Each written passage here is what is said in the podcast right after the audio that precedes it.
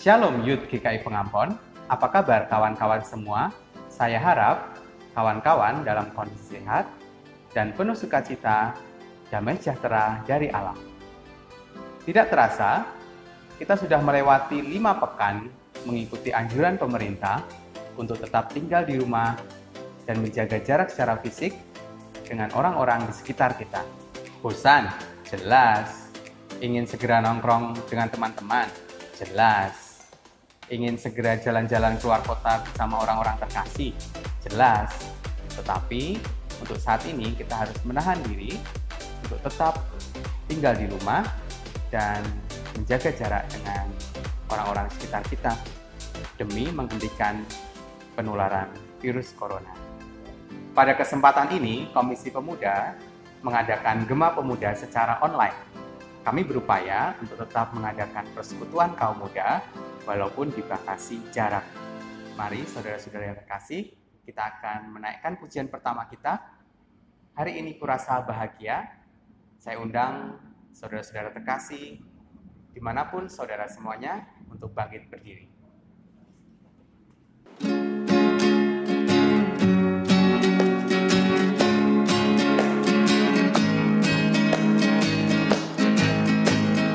Hari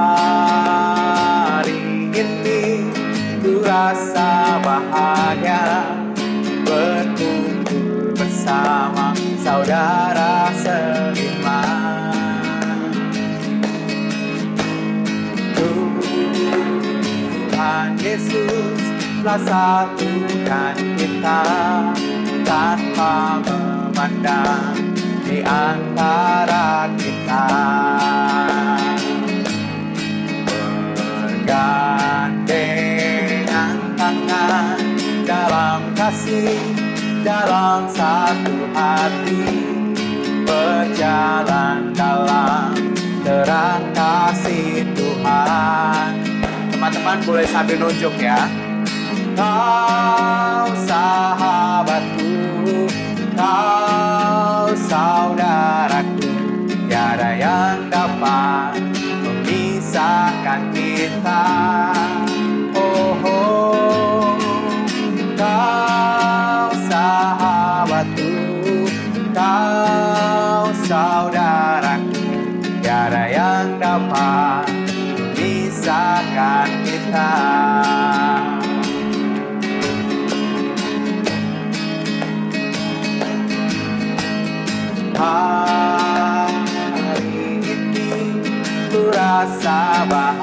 bahagia berkumpul bersama saudara seiman.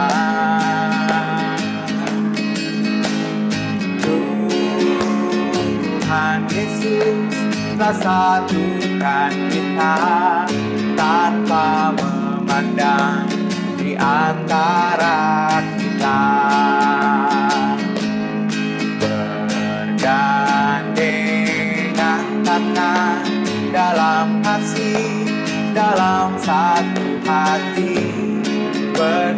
berjalan dalam. Terang kasih Tuhan. Teman-teman boleh sambil nunjuk ya. Kau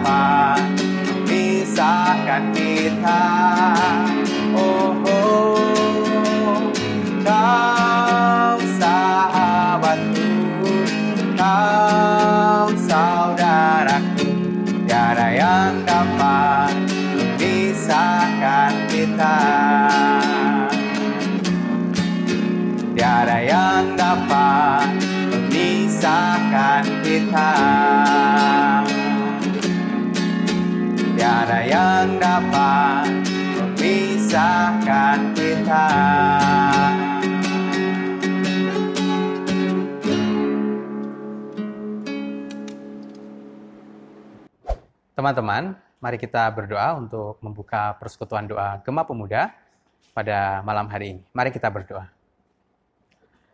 Bapak kami yang bertahta dalam kerajaan surga, terima kasih untuk persekutuan yang Tuhan izinkan boleh kami ikuti bersama-sama pada malam hari ini.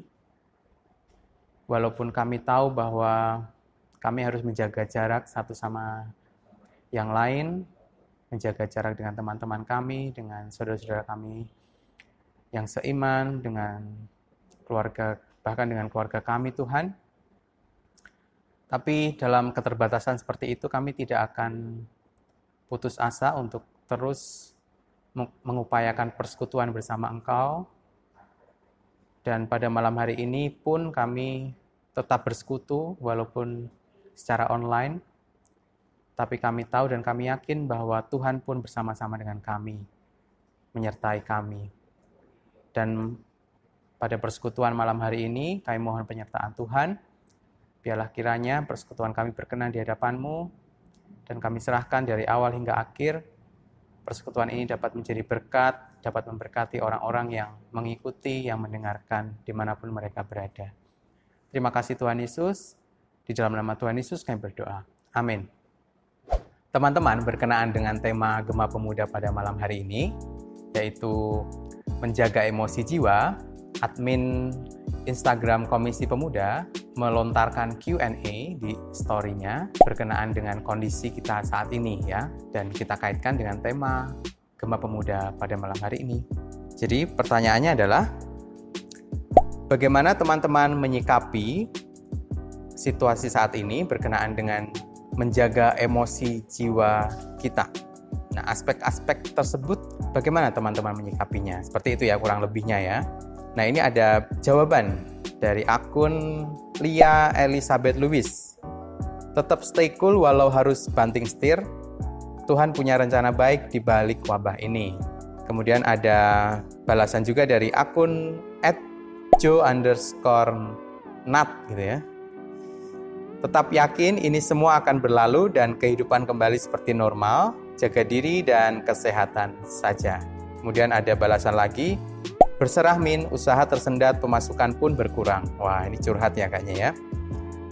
Kemudian dari akun Willy Daniel 7575. Jalanin aja untuk semuanya ada waktunya. Mungkin ini waktunya aktif di rumah saja. Kemudian ada akun dari at handika.immanuel. Jadikan momen-momen ini untuk bisa fokus belajar hal baru dan menggali firman Tuhan lebih dalam. Wah, keren juga ya jawabannya ya. Oke, kita lanjutkan. Ada juga balasan, dengan adanya pergumulan-pergumulan, saya semakin belajar menerima dan berserah pada Allah. Ada lagi, tetap berpegang teguh pada Tuhan, karena Tuhan pasti pegang kendali atas semua ini. Kemudian ini ada akun Kuo Ailin. Dalam situasi apa pun yang kita hadapi, baik kesulitan hidup dan beribadah, tetaplah setia kepadanya. Dan ada akun dari @adi underscore tribuana. Jiwa sosial saya berontak, Min. Gak bisa kumpul-kumpul sama teman pelayanan ibadah di gereja. Wah, responnya macam-macam ya. Demikianlah respon dari teman-teman kita di akun Instagram Komisi Pemuda GKI Pengampon berkenaan dengan tema kita pada malam hari ini. Teman-teman, tiba saatnya kita akan mendengarkan firman Tuhan. Tapi untuk mempersiapkan hati kita, kita akan naikkan sebuah pujian Firmanmu Tuhan, pelita bagi kakiku.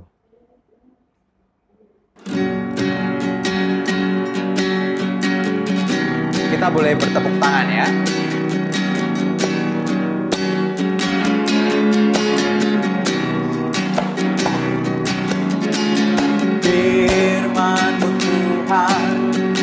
bagi kakiku Jadimu terang bagi jalan-jalan Kebenaranmu setiap hari Menantikan di kekuatan baru. Bukan terbang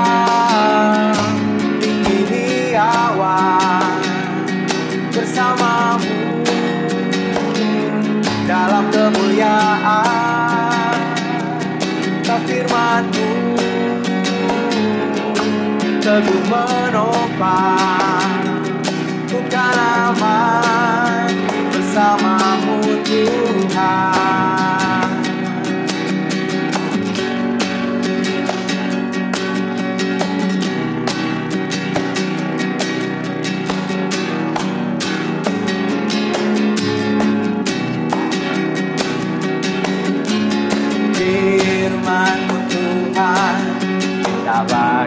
kakiku janjimu terang bagi jalan-jalanku kebenaranmu ikut setiap hari.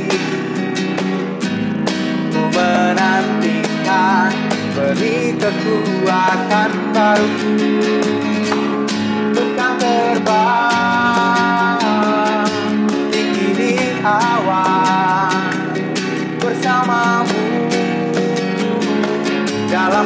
kemuliaan kau firmanmu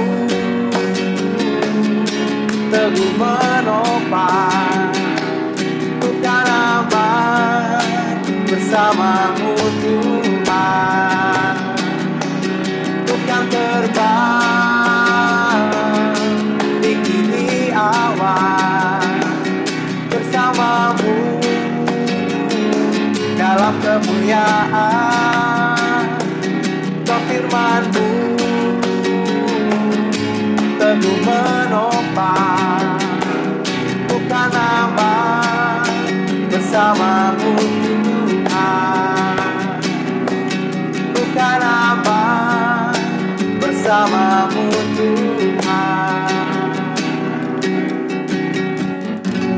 akan mendengarkan firman Tuhan yang akan disampaikan oleh Bapak Agung Prasetya. Mari rekan muda kita masuk dalam doa untuk menyambut firman Tuhan. Tuhan dalam masa muda kami banyak sekali eh, energi atau semangat kami yang eh, harus tertekan oleh karena wabah ini. Namun saat ini Tuhan kami mau mengalihkan fokus kami kepada firman Tuhan supaya di dalam situasi yang sungguh menyesakkan ini firman Tuhan boleh menjadi pegangan bagi kami, boleh menjadi pengharapan bagi kami. Kami siap untuk membuka Alkitab kami di mana pun kami berada, dan biarlah Tuhan juga menolong kami. Firman-Mu boleh menjadi uh, cahaya, supaya kami tahu bagaimana kami harus menjalani hari-hari ke depan. Di dalam nama Kristus, kami siap untuk menyambut firman-Mu. Amin. Baik, uh, rekan-rekan muda, kita menyadari bahwa wabah COVID-19 ini menimbulkan dampak yang luar biasa. Bukan cuma masalah kesehatan, tetapi juga masalah ekonomi, masalah sosial, dan masalah uh, mental. Kita tahu kalau di dalam hal ekonomi, banyak usaha-usaha yang harus tutup, pelanggan menjadi sepi, dan bahkan mungkin sebagian dari kita harus mulai membuka tabungan tabungan harus dipakai, diberdayakan supaya kita bisa bertahan hidup, dan mungkin kita punya kewajiban finansial yang harus kita penuhi. Itu dampak secara ekonomi. Secara sosial, kita juga tadi sudah mendengarkan adanya pergumulan ketika seorang uh, pengen bersosialisasi namun harus terkurung sekarang. Dan kita susah berinteraksi dan ini memang benar-benar tidak mudah karena ada kebosanan di sana. Ada rutinitas yang harus dihadapi hari eh, hari demi hari dan sungguh tidak enak. Rekan-rekan kalau membaca berita di Wuhan, Cina, setelah lockdown itu diangkat, ternyata ada fenomena uh, yaitu tingkat perceraian yang uh, naik. Orang-orang mengajukan cerai karena mereka ternyata tidak tahan selama beberapa minggu, beberapa bulan hidup dengan pasangannya. Jadi ternyata mereka menemukan sifat yang asli atau kemudian tidak eh, kaget dengan situasi yang baru dan setelah masalah selesai muncul masalah yang lain, masalah sosial perceraian. Berikutnya kita juga menyadari adanya masalah mental teman-teman. Ketika orang-orang kemudian gampang panik, ketika orang-orang sedih, marah, frustrasi, atau mungkin takut. Mungkin kita khawatir dengan diri sendiri, kita khawatir oleh karena orang yang terdekat dengan kita. Terpapar, orang yang kita kenal harus terisolasi, orang yang kita sayangi mungkin sedang bergumul di luar sana, di medan perang sana. Nah, oleh karena itu teman-teman, eh, ini sungguh eh, kompleks karena dampaknya sekali lagi bukan cuma kesehatan, tetapi juga sosial dan mental. Bahkan berapa hari yang lalu di Singapura, di sebuah negara maju teman-teman, ketika pemerintah memperpanjang pembatasan sosial di sana, sebagian masyarakat itu berbondong-bondong malah pengen mendapatkan bubble tea. Seolah-olah kayak bubble tea itu kebutuhan pokok yang akan punah dalam waktu dekat. Ini negara maju, tetapi ternyata mereka juga tergoncang. Lah bagaimana kita menyikapi uh, persoalan ini? Secara khusus kesehatan mental kita, emosi jiwa kita dalam menjalani pergumulan ini. Nah, teman-teman kita akan mencermati bagian dari Alkitab kita. Kalau Anda membuka Alkitab Anda atau handphone atau apa pun yang ada Alkitabnya gitu ya, kita akan membuka bagian dari Yunus. Kitab Yunus pasalnya yang kedua, ayat yang pertama sampai dengan ayat yang kesembilan. Saya akan membaca dan silahkan rekan-rekan boleh membaca dalam hati dengan suara atau mau teriak-teriak ya boleh gitu ya karena kita e, semuanya terisolasi jadi tidak masalah. Yunus 2 ayat 1 sampai dengan ayat yang ke-9. Doa ucapan syukur Yunus. Berdoalah Yunus kepada Tuhan Allahnya dari dalam perut ikan itu. Katanya, dalam kesusahan aku berseru kepada Tuhan dan ia menjawab aku. Dari tengah-tengah dunia orang mati aku berteriak dan kau dengarkan suaraku. Telah kau lemparkan aku ke dalam, ke tempat yang dalam, ke pusat lautan. Lalu aku terangkum oleh arus air. Segala gelora dan gelombangmu melingkupi aku. Dan aku berkata, telah terusir aku dari hadapan matamu, mungkinkah aku memandang lagi baitmu yang kudus? Segala air telah mengepung aku, mengancam nyawaku. Samudera raya merangkum aku lumut lautan membelit kepalaku. Di dasar gunung-gunung aku tenggelam ke dasar bumi. Pintunya terpalang di belakangku untuk selama-lamanya. Ketika itulah engkau naikkan nyawaku dari dalam liang kubur, ya Tuhan Allahku. Ketika jiwaku letih lesu di dalam aku, teringatlah aku kepada Tuhan dan sampailah doaku kepadamu ke dalam baitmu yang kudus. Mereka yang berpegang teguh pada berhala kesia-siaan, merekalah yang meninggalkan dia, yang mengasihi mereka dengan setia. Tetapi aku, dengan ucapan syukur, akan kupersembahkan korban kepadamu. Apa yang kunasarkan akan kubayar. Keselamatan adalah dari Tuhan. Rekan-rekan muda, eh, kitab Yunus sering kali dibaca dengan cepat, isinya yaitu Yunus yang diutus, Yunus menolak, kemudian Yunus dimakan ikan, lalu kemudian Yunus diutus lagi.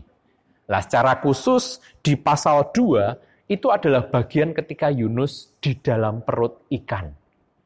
Nah, tapi mari kita mencoba cermati bagian ini rekan-rekan.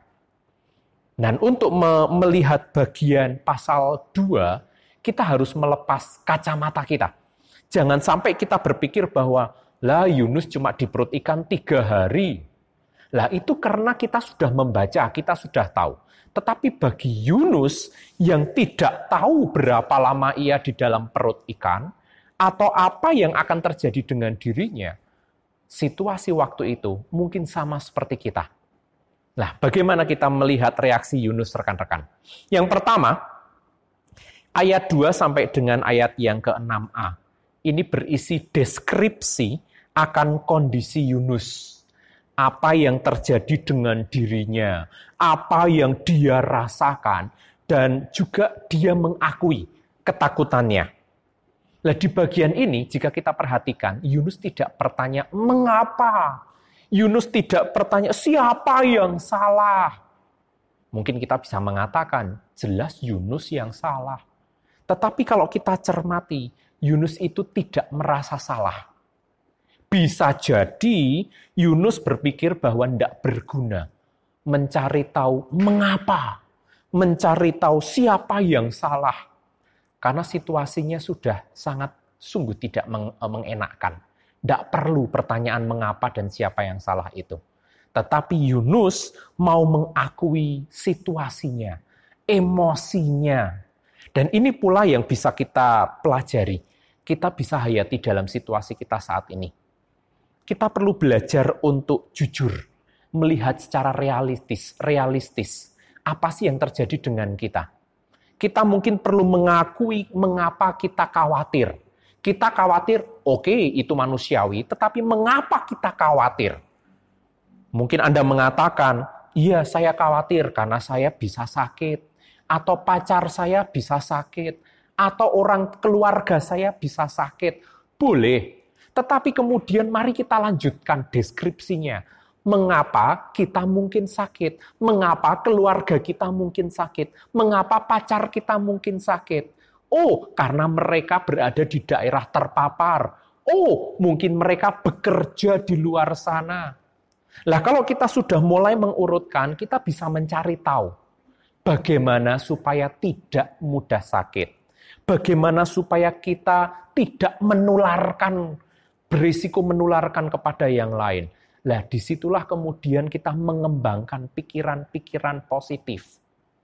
Kita mencoba memilah dan memilih mana yang asumsi, mana yang katanya, katanya, katanya, mana yang benar-benar berdasarkan informasi yang sahih dan valid. Jadi di sini rekan-rekan, di satu sisi kita mau belajar mengakui emosi kita, tidak masalah takut, tidak masalah kesepian, tidak masalah sedih, tidak masalah frustrasi. Tetapi di sisi yang lain, mari kita analisa secara perlahan-lahan. Kenapa bisa sedih, kenapa bisa takut, kenapa bisa frustrasi, dan lain-lain. Di situlah kita akan menolong kesehatan mental kita. Karena kita mulai menghilangkan mana yang uh, hoax, mana yang asumsi, mana yang tidak relevan dengan emosi kita.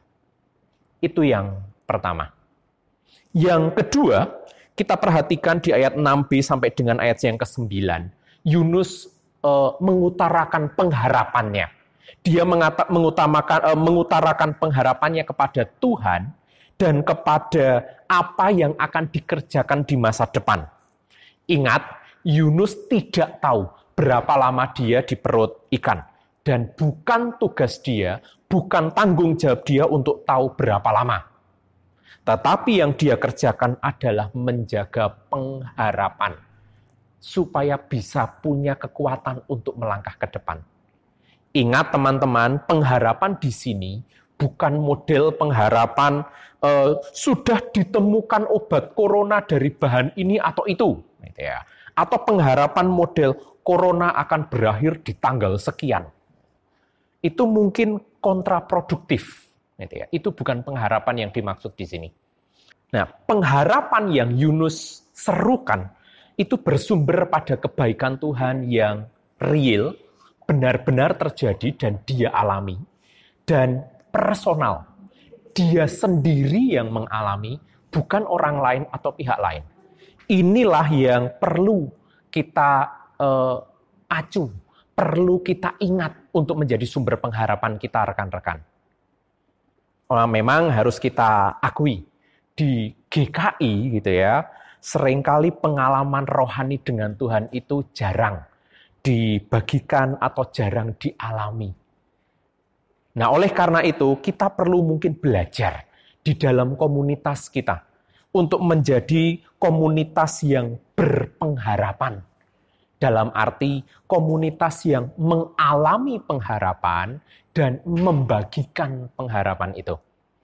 Jadi kita perlu uh, menjadi orang-orang anggota komunitas yang berbagi. Aku berbahagia, aku bagikan. Ini pengalaman rohaniku yang sederhana, orang lain biar tahu supaya mereka juga turut berpengharapan. Lah ada sebuah cerita seorang yang terkena penyakit corona di Wisma Atlet Jakarta. Dia menuliskan uh, sharingnya seperti ini. Ketika dia diisolasi, Nah, di situ dia bertemu dengan orang-orang yang sama-sama kena penyakit. Di sana itu mereka saling menyapa online gitu ya. Kemudian mereka mengingatkan jam makan karena makannya disediakan oleh pemerintah. Kemudian mereka e, saling me memberitahu, "Oh, ya makan makan makan." Nah, itu mereka kemudian e, saling e, kenal, saling diskusi. Kemudian mereka juga mengecek kebutuhan orang lain. Bahkan kalau misalnya ada kiriman dari keluarga, mereka bagikan itu kepada sesama yang sakit di sana. Nah, dari peristiwa-peristiwa sederhana itu muncul kekuatan, muncul penghiburan, dan muncullah pengharapan. Bukan dari hal yang luar biasa, namun dari hal-hal kecil yang dibagikan, muncullah pengharapan. Nah, kita juga perlu mengingat untuk berpengharapan akan masa depan secara realistis. Bagi Yunus, dia akan mempersembahkan korban. Dia bernasar untuk mempersembahkan korban. Dan itu bisa dikerjakan dan itu relevan. Layak dilakukan. Jadi jangan sampai rekan-rekan ketika kita mengalami hari-hari ini, kemudian kita berpengharapan akan masa depan yang lebay, atau uh, over. Kalau ini lewat, maka aku akan membeli pabrik masker atau membeli pabrik hand sanitizer supaya jadi kaya gitu ya. Itu ngarep dan sangat mungkin itu tidak realistis.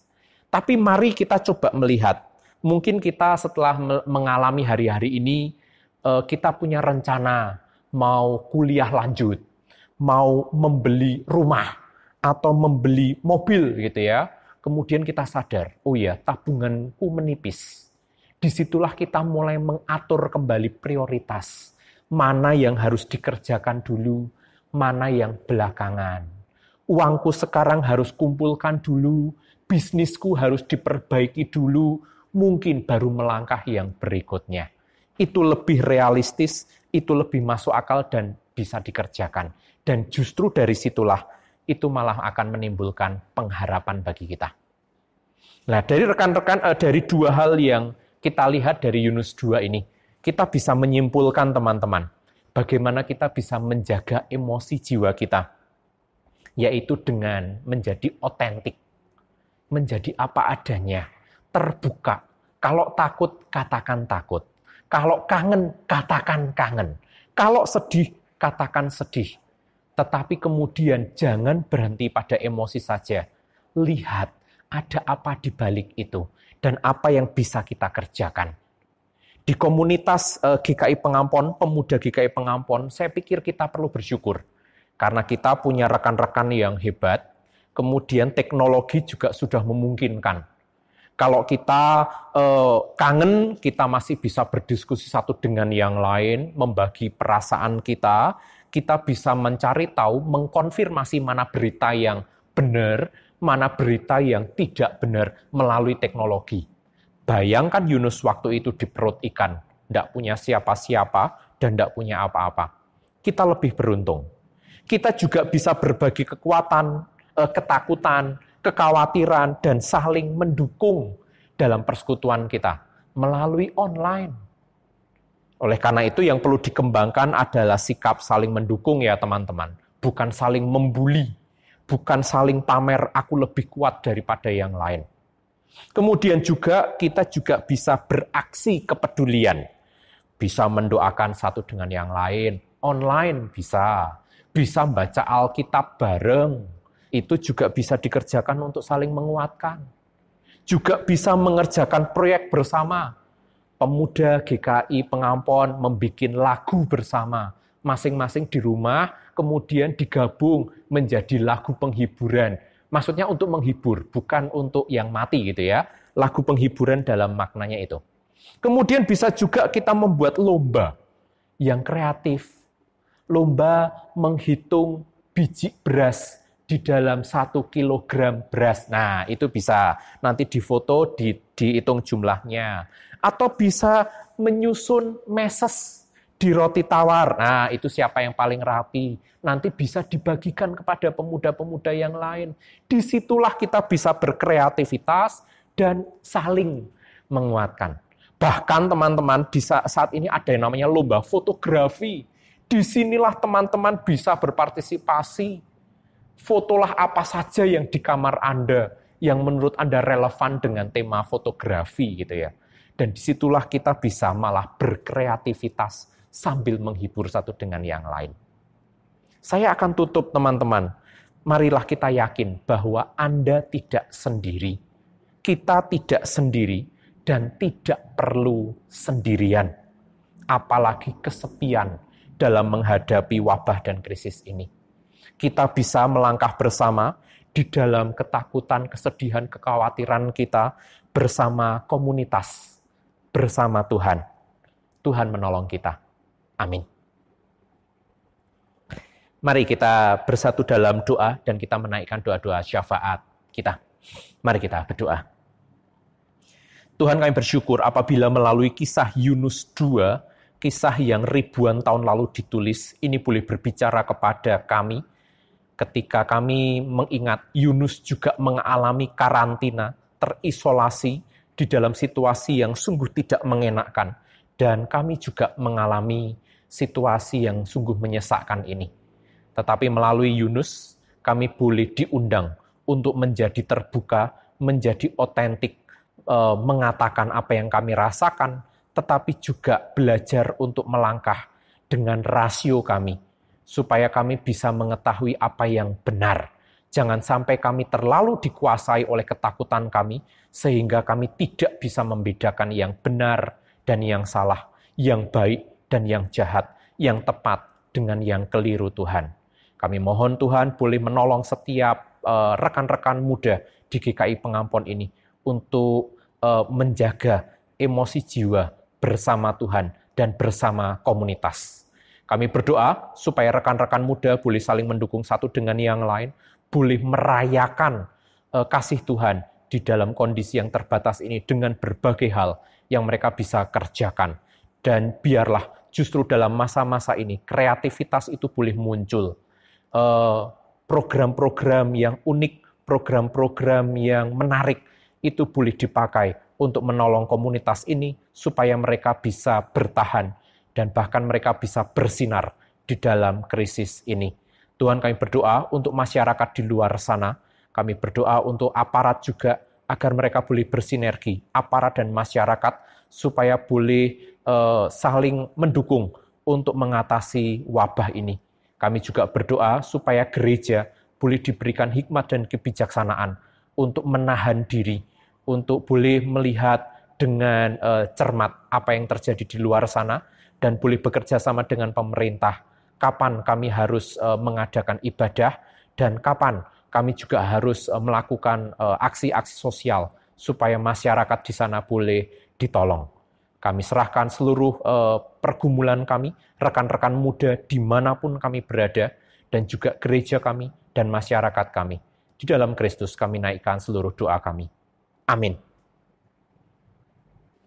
Demikianlah firman Tuhan yang sudah kita dengar bersama-sama berkenaan dengan tema menjaga emosi jiwa pada Gema Pemuda malam hari ini. Marilah kita tetap mendukung teman-teman kita di mana pun mereka berada dengan berbagai pilihan teknologi yang sudah ada, kita tetap bisa mendukung di mana pun teman-teman kita berada.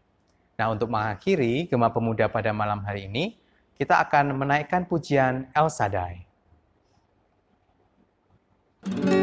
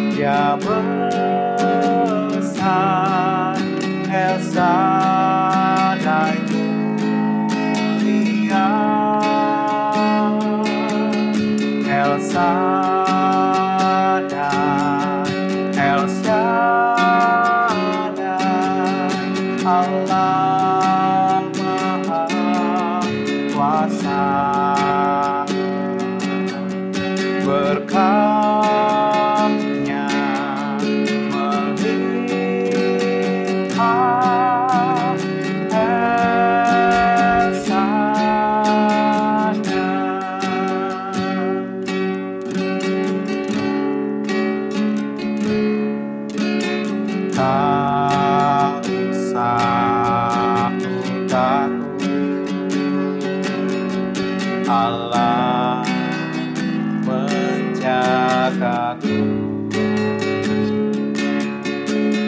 Tak usah ku bimbang, Yesus peliharaku.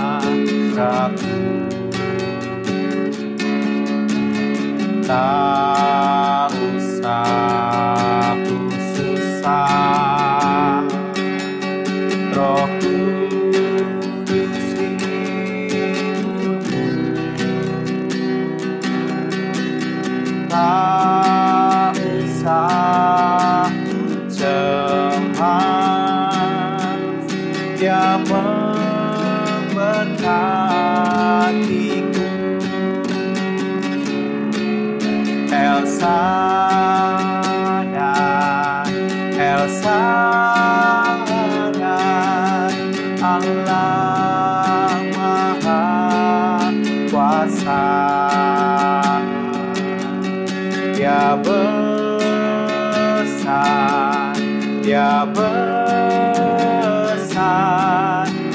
side.